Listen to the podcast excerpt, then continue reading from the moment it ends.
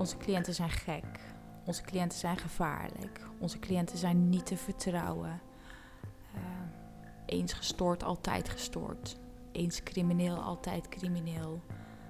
Vooroordelen en stigma's over forensische cliënten zijn ons hier niet onbekend. Dat ze bestaan is misschien ook niet heel vreemd, want er wordt in berichtgeving vaak over cliënten gesproken in combinatie met heftige delicten. Moord, een fatale brand, stalking, diefstal. Daar valt ook niks moois van te maken. Hoe leeft deze beeldvorming bij onze collega's en cliënten en valt er wat aan te doen? Ik ga daarover in gesprek met Gertrude Grauwmans. Zij is sinds 2018 algemeen directeur bij de Woensel Support. Hiervoor heeft ze jarenlang bij de politie gewerkt, onder andere als districtchef. Ik merk wel dat uh, als je in een forensische kliniek hebt gezeten als cliënt, dat je toch wel een soort stempeltje op je hoofd lijkt te hebben van oh dat is een gevaarlijk iemand. En dat is in heel veel gevallen is dat gewoon echt niet aan de hand. Ook praat ik met Nienke. Zij werkt bij ons als ervaringsdeskundige. Ik heb zelf uh, ervaring met verslaving, met psychiatrie, met jeugdzorg. Um, en die ervaringen die ik heb gehad, wil ik inzetten om anderen te helpen.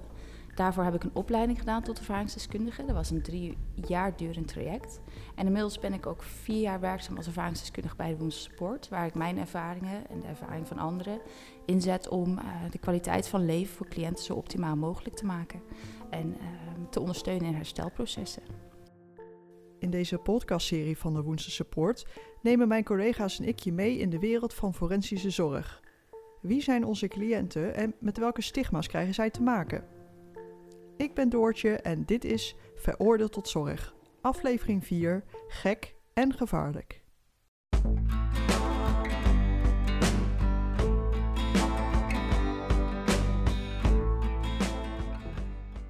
Wat was jouw beeld van uh, de forensische wereld voordat je hier kwam werken? Nou ja, misschien ook wel een beetje vanuit een stigma. Ik denk dat, uh, ook al werkte ik bij de politie, ik ook niet echt een heel goed beeld had van wat er nou in zo'n kliniek uh, gebeurt. En we hebben natuurlijk het beeld van de TBS-kliniek. Nou, dat zijn wij niet. Hè. We zijn echt een forensisch-psychiatrische kliniek. Maar we hebben allemaal het beeld van TBS'ers van, nou, die zijn toch gevaarlijk en die moet je opsluiten en die moet je eigenlijk nooit meer loslaten. Um, een klein beetje, als ik heel eerlijk ben, had ik dat beeld ook wel. Um, nou, een beetje het algemene beeld, denk ik, wat toch wel heel veel Nederlanders hebben over nou, een forensische kliniek. En uh, nou, dat is de afgelopen tijd wel, de afgelopen jaren wel heel erg bijgesteld. Ik dacht dat, uh, dat het een, een, soort gevangenis zou zijn met hele hoge muren en hele hoge hekken, waar allemaal heel zwaar gespierde getatoeëerde mannen de hele dag rondliepen. Um, een beetje het haantje te zijn. Maar ja, dat beeld dat ik ervan had, dat klopt niet zo. Het is, um, het is oh, ik weet niet, jij bent wel ook wel eens in de kliniek geweest. Hè? Mm -hmm. Als je de kliniek ziet, het is een prachtige kliniek. Ontzettend rustgevend, een rustige sfeer, een prettige sfeer om rond te lopen. Je, um, het beeld dat ik had, echt het biasbeeld, dat, dat bestaat niet. De eerste keer dat ik er binnenkwam, dat is, nou, was in 2019 voor het eerst. Toen vond ik het ook wel heel erg spannend. Ja? Toen kwam ik binnen en toen dacht ik...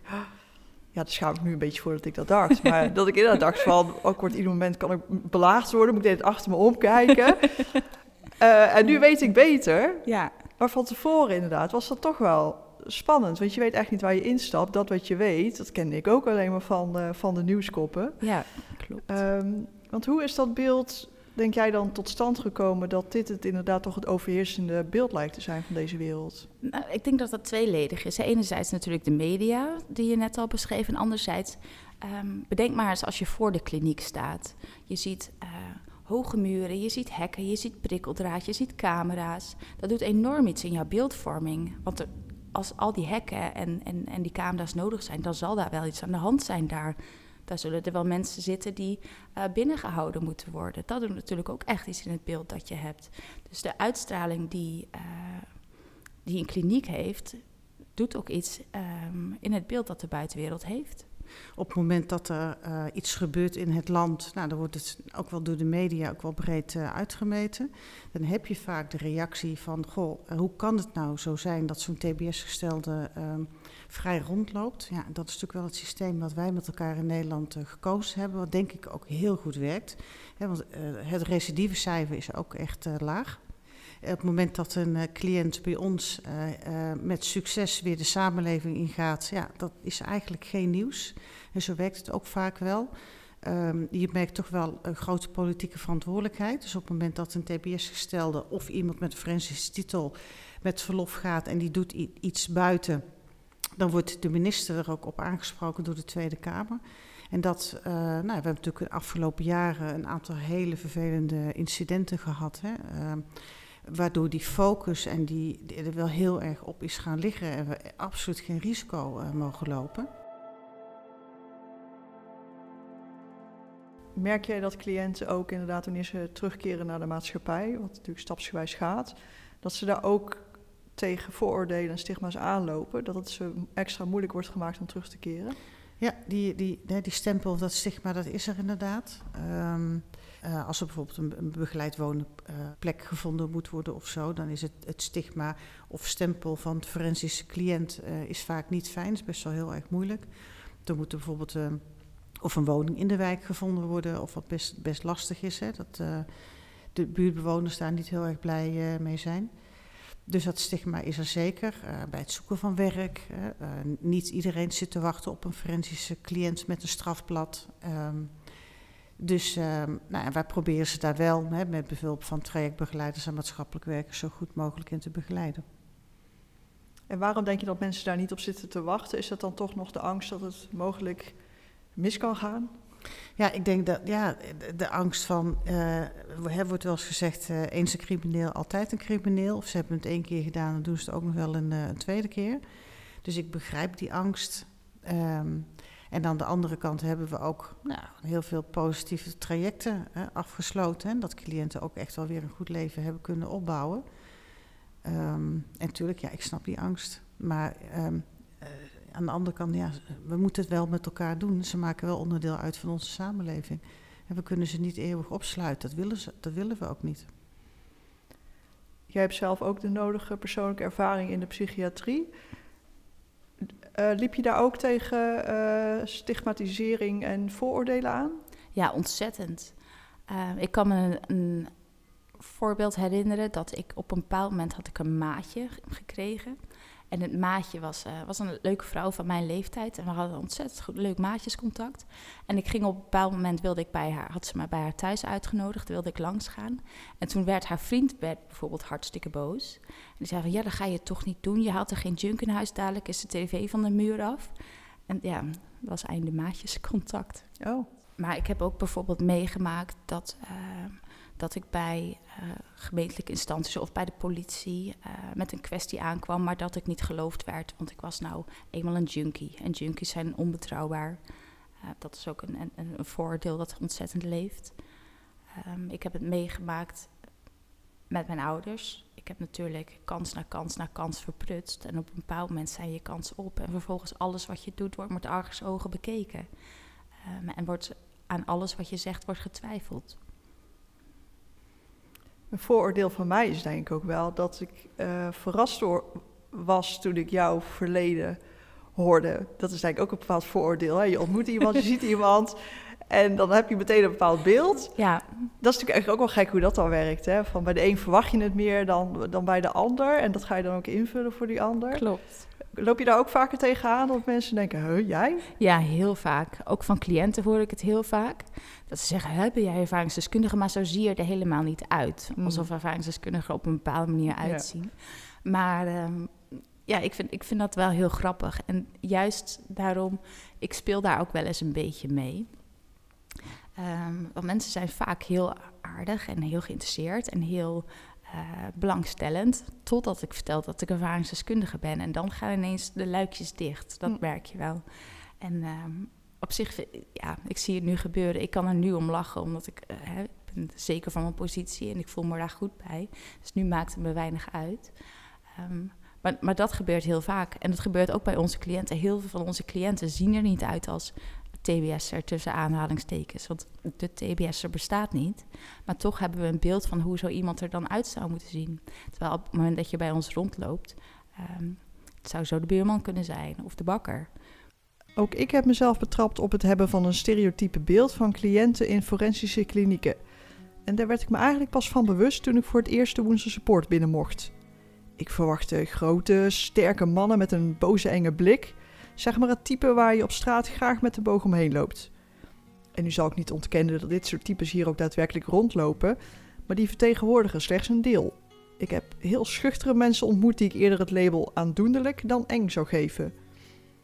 Uit het onderzoek van brancheorganisatie GGZ Nederland in 2018 blijkt dat de term forensische zorg niet heel bekend is onder het grote publiek. Ze hebben vooral al eens over TBS gehoord. Ook blijkt dat berichtgeving in de media weinig impact heeft op hun beeld van forensische zorg, maar wel op het beeld van de cliënt die forensische zorg krijgt. Deze wordt vaker gezien als een gevaarlijke, ontuchtplegende recidivist. Ik ben benieuwd naar de mening van mensen op straat in Eindhoven. Kent een van jullie toevallig de Woenselse Poort? De Woenselse? Poort. Ik niet. Nooit van gehoord. Nee, Wel van Woensel, maar niet van Woensel. Ja, het is een forensische kliniek hier in Eindhoven. Er zitten mensen die een delict hebben gepleegd, maar ook een psychiatrische stoornis hebben. Dus bijvoorbeeld mensen met TBS. Roept dat bepaalde beelden of gedachten bij jou op? Um, jawel, uh, eigenlijk wel. Dan krijg je ook wel gelijk zo'n beeld van, van uh, wie daar dan zit en hoe ze eruit zien en zo. Maar dat moet eigenlijk niet, want daar kunnen hele verschillende mensen zijn. Ja, ik zou het er niet zozeer op hebben of zo. Maar ja, het is goed als ze hulp krijgen, vind ik. Ja. Wat bedoel je, ik zou het er niet zozeer op hebben? Ja, ik zou ze dan niet graag in mijn buurt hebben. Ik ben eigenlijk altijd iemand voor elk verhaal of twee kanten. En dat vind ik... Uh oordelen van tevoren zo, is, is, niet iets wat ik heel snel doe. Onbewust misschien toch wel wat, maar uh, niet, uh, ja, je weet nooit waarom iemand er zit. En vind je dat deze mensen een tweede kans verdienen op het moment dat ze een behandeling hebben gehad? Ja, zeker. Ja, want ik vind, ben sowieso sta er wel achter dat mensen kunnen veranderen. Kijk, iemand, ja, iemand, ja, iemand die iemand of meerdere mensen heeft vermoord misschien niet. Als je dat herhaal, herhaaldelijk doet, zeg maar. Maar één iemand vermoord om een hele speciale reden of zo, dan vind ik nog steeds wel dat je een tweede kans verdient. Zeker, ja. Het zijn gewoon bepaalde keuzes die mensen maken. En achteraf hoop je gewoon dat ze daarvan leren. Als ze, als ze genezen zijn, dan hebben ze recht op een tweede kans. Als ik een fout ga, dan hoop ik ook dat ik een tweede kans krijg. Toch? Ik sta hier bij een uh, bijzondere inwoner van de stad uh, Eindhoven. En toch ook eigenlijk wel een buurtbewoner van de Woense Support. Want uh, hij laat vaak zijn hond uit hier over het terrein van de Grote Beek. Meneer Jorritsma, de burgemeester van Eindhoven. Hallo. Goedemorgen. Hoe vindt u het om zo'n grote forensische kliniek in uw stad te hebben? Nou, natuurlijk heel bijzonder. Het is een, uh, niet alleen een forensische kliniek voor de stad. Het is een forensische kliniek voor, uh, voor, voor de regio, voor het land. Uh, waar heel veel mensen toch een nieuwe toekomst te proberen op te bouwen. Heeft u het idee dat uh, mensen vooroordelen of gek ideeën hebben bij zo'n kliniek hier? Ja, vanzelfsprekend. Er zijn mensen die natuurlijk zo'n uh, kliniek als hier, de Woenselse Poort, bij uitstek zien als een, een, soort, soort gevangenis. Kijk maar eens even om je heen hier. Dan zie je hoge hekken. En dat zijn toch mensen die misschien ook wat anders gedrag vertonen dan, dan jij en ik.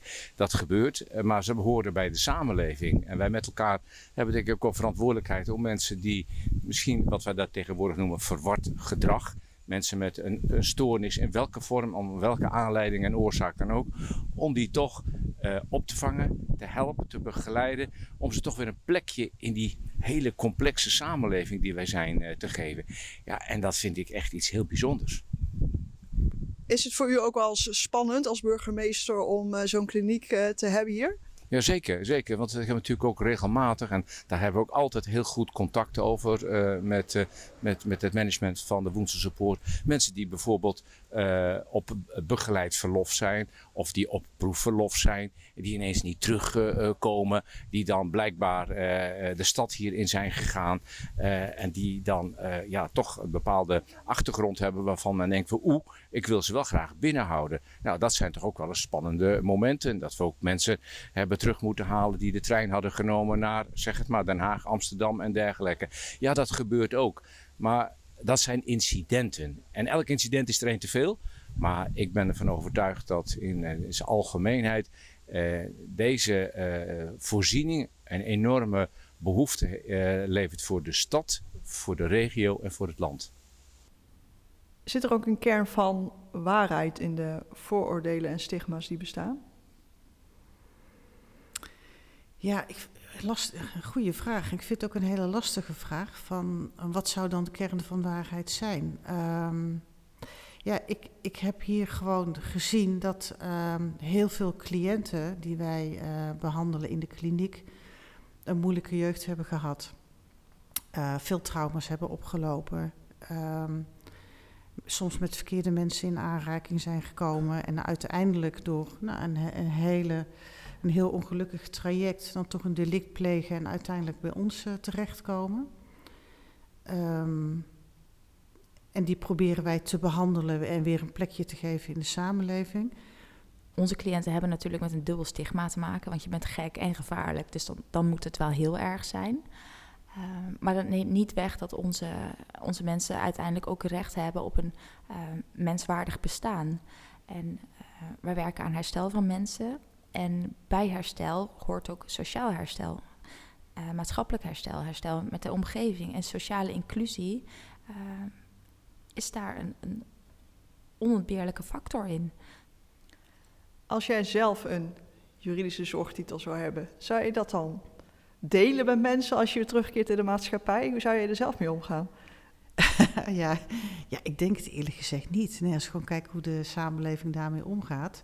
En op het moment dat ik gewoon uh, hier behandeld uh, zou zijn en ik uh, ga daarna weer de maatschappij in, ja, ik denk dat ik ook wel gewoon graag een nieuwe start zou willen maken. Mm.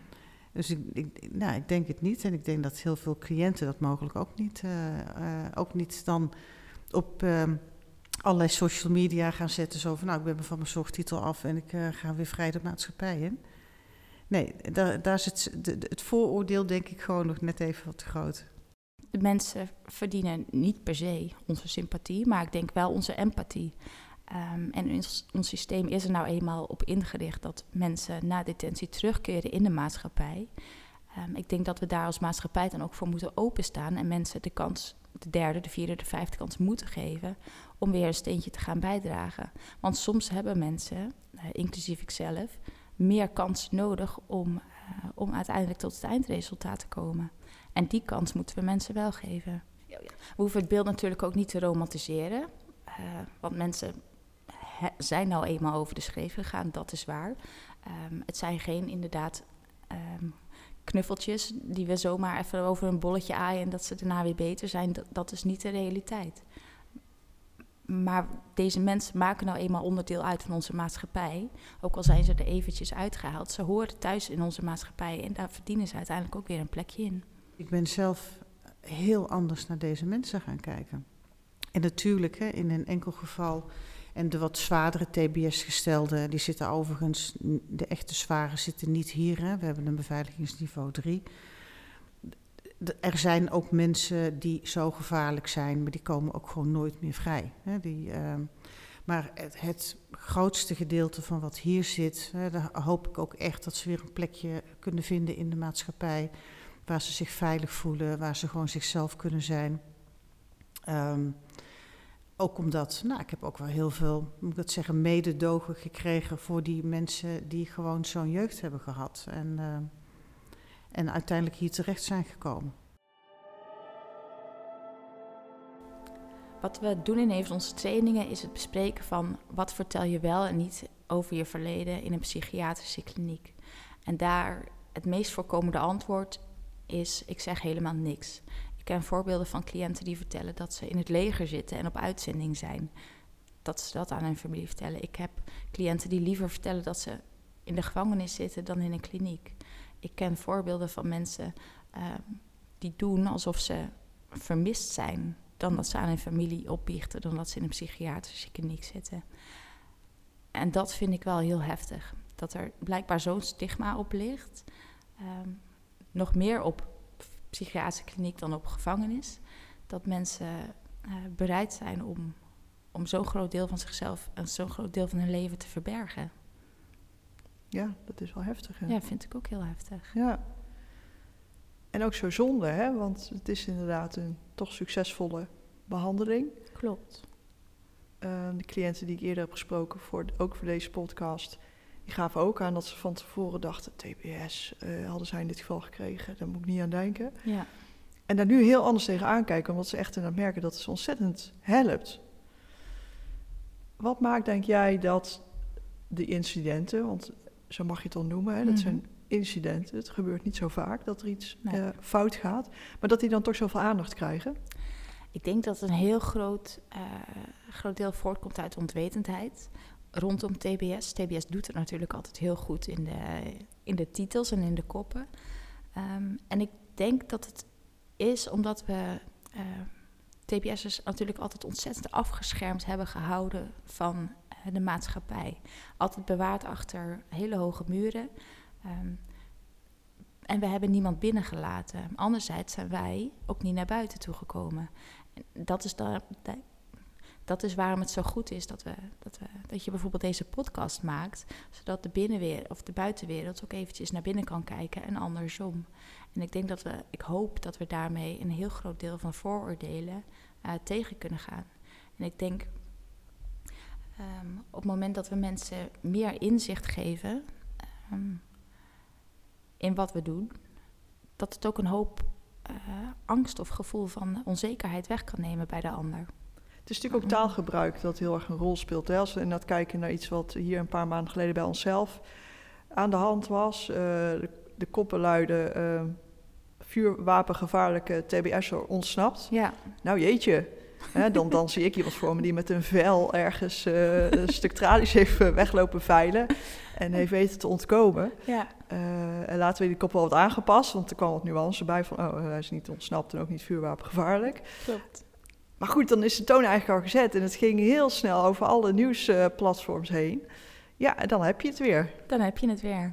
Ja, ik zie hem vanmiddag toevallig. en ehm, maar dat is een voorbeeld. Hij heeft er ontzettend last van gehad, van de beeldvorming die in de media is ontstaan. Want hij wordt vervolgens ook zo behandeld.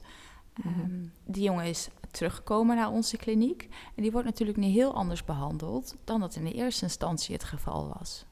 Omdat het, kopje vuurwapen gevaarlijk, er komt wel een nuance, maar die raak je echt niet meer kwijt. Dat is Nee. echt wel het beeld dat mensen bij zich dragen. Ja. We hebben het nu vooral over de rol van de media. En dat is in andere gesprekken ook wel naar voren gekomen. Maar hebben wij zelf daar ook niet iets in laten liggen? Hadden we zelf ook niet proactiever eh, naar buiten toe kunnen gaan over wie wij zijn als de Woensel Support? Eh, ja, misschien wel. Ehm, ehm, hadden we dat inderdaad jaren geleden al wat meer eh, moeten doen. Hè? Nu pakken we dat inderdaad eh, op. Hè? Omdat je toch merkt dat die stigma's eh, er zijn. Dat er bepaalde beelden zijn. Ik denk dat het echt gewoon, gewoon heel goed is wat we nu ook gewoon doen. Ehm, en ehm, nou, dat we daar gewoon open over zijn. En, en nou ja, niet omdat. Ik kom natuurlijk van de politie. Wat ik wel heel erg mooi vond, is dat we twee jaar geleden een vraag kregen van de politieacademie. Voor eh, vier collega's die op werden geleid eh, als tactisch manager, als eh, eh, teammanager. Of, die, eh, of deze vier collega's eh, twee weken een soort van stage mochten lopen binnen de kliniek. Ehm, en dat hebben we gedaan. En ehm, nou, dat was eigenlijk gewoon fantastisch. Dus die collega's die hebben twee weken hier gewoon meegewerkt op een afdeling. Die hebben echt een, beeld van, van insight gekregen van hoe het er nu echt eh, aan toe gaat. En wat ook heel mooi was, is dat ik later ook cliënten heb gesproken. Eh, die zeiden van, goh, ik heb toch zo'n leuk gesprek gehad met die politieman. Gewoon inburger en niet in uniform. En dat zijn dus ook gewoon mensen waar je gewoon goed een gesprek mee eh, kan voeren. Want ja, er zitten toch ook wel eh, cliënten hier die vaak in aanraking zijn geweest met de politie en daar niet een heel positief beeld van hebben gekregen. En, en ook dat is weer een vorm van eh, ja, je, je deuren openstellen en gewoon mensen de gelegenheid geven om eh, gewoon hier, hier mee te kijken. Voelt het dan ook kwetsbaar om dat te doen als organisatie? Is dat, zijn we daar ook een beetje huiverig voor? Ja, ik denk het wel. En dat heeft misschien ook wel weer te maken met dat stigma. Hè? En eh, ehm, ja, ik denk wel dat dat gevoel er een beetje is. En aan de andere kant, op het moment dat je je deuren echt gesloten houdt, zal er nooit begrip komen, ook bij andere partners ehm, en de samenleving, bij je buren, bij de politie, eh, wat het werk is wat wij eh, hier doen. Stel dat de beeldvorming inderdaad een steeds positiever wordt. Wij geven een inkijkje wat er bij ons speelt. Ik heb dan ook wel het idee, één incident en het, en het is allemaal weer van tafel geveegd. Ja, d- ja, dat is wel wat er vaak inderdaad speelt. Hè. We proberen een presentatie te geven bij de dorpsraad. Hè. We hebben af en toe gesprekken ook met de gemeente over wat we doen. We nodigen mensen uit vanuit TBS Nederland of Forensische Zorg Nederland. wordt er heel veel gepubliceerd over wat we doen. Ehm, en wat ik zei, van we hebben uh, voor TBS gestelde 60.000 verlofbewegingen per jaar. En het gaat één of twee keer gaat het niet goed. En ja, mijn gevoel is ook, um, één keer gaat het mis. En dan is er gelijk weer van, nou, zie je wel, hè, het is gewoon het, het systeem klopt niet. Of uh, hoe kan het nou zijn dat een TBS-gestelde zomaar buiten rondloopt? Ja, dat kan. Hè, en dat doen wij heel zorgvuldig. Cliënten die uh, gaan eerst, uh, er wordt allemaal getoet, getoetst door een verloftoetsingscommissie, ook op landelijk niveau. Cliënten gaan dan eerst met twee man begeleid en daarna uh, één man en daarna onbegeleid. En dus het wordt echt heel zorgvuldig allemaal gedaan. En dat is hoe wij dat met elkaar afspreken. En je moet ergens, moet je die cliënt gewoon een keer wel onbegeleid naar buiten laten gaan. Anders kan hij niet leren hoe dat gaat. En dan gaat het inderdaad uh, in heel Nederland op 60.000 verlofbewegingen gaat het een enkele keer mis. En het is natuurlijk ontzettend vervelend, echt heel erg als dat betekent, hè, net als met Anne Faber, uh, dat het dan echt, echt gruwelijk misgaat. Um, maar daarmee kan je niet het hele stelsel omverwerpen. Want we, we, hebben echt gewoon bewezen dat we daar goede resultaten mee boeken. Ja, en dat is waar ik denk dat ervaringsdeskundigen echt uh, een grote rol kunnen spelen. Want wij zijn heel actief um, op het gebied van destigmatiseren. We geven heel veel lezingen op scholen, aan studenten, aan bezoekers. Um, om de wereld iets transparanter te maken, zodat er uh, om die beeldvorming iets aan te passen. Zodat het een iets minder gesloten wereldje wordt, achter hoge hekken, en het iets toegankelijker wordt voor de buitenwereld. Stap voor stap naar wat genuanceerder beeld. Ja, en ik denk dat we daar allemaal van kunnen profiteren. Uh, de samenleving hopelijk maakt zich iets minder zorgen of kan zich iets minder zorgen gaan maken. En voor onze cliënten wordt het dan wellicht iets makkelijker om wel echt terug te keren in die maatschappij. Bedankt voor het luisteren. In de volgende aflevering praat ik over verlof en terugkeer naar de maatschappij. Hoe gaat dat in zijn werk en is het wel veilig?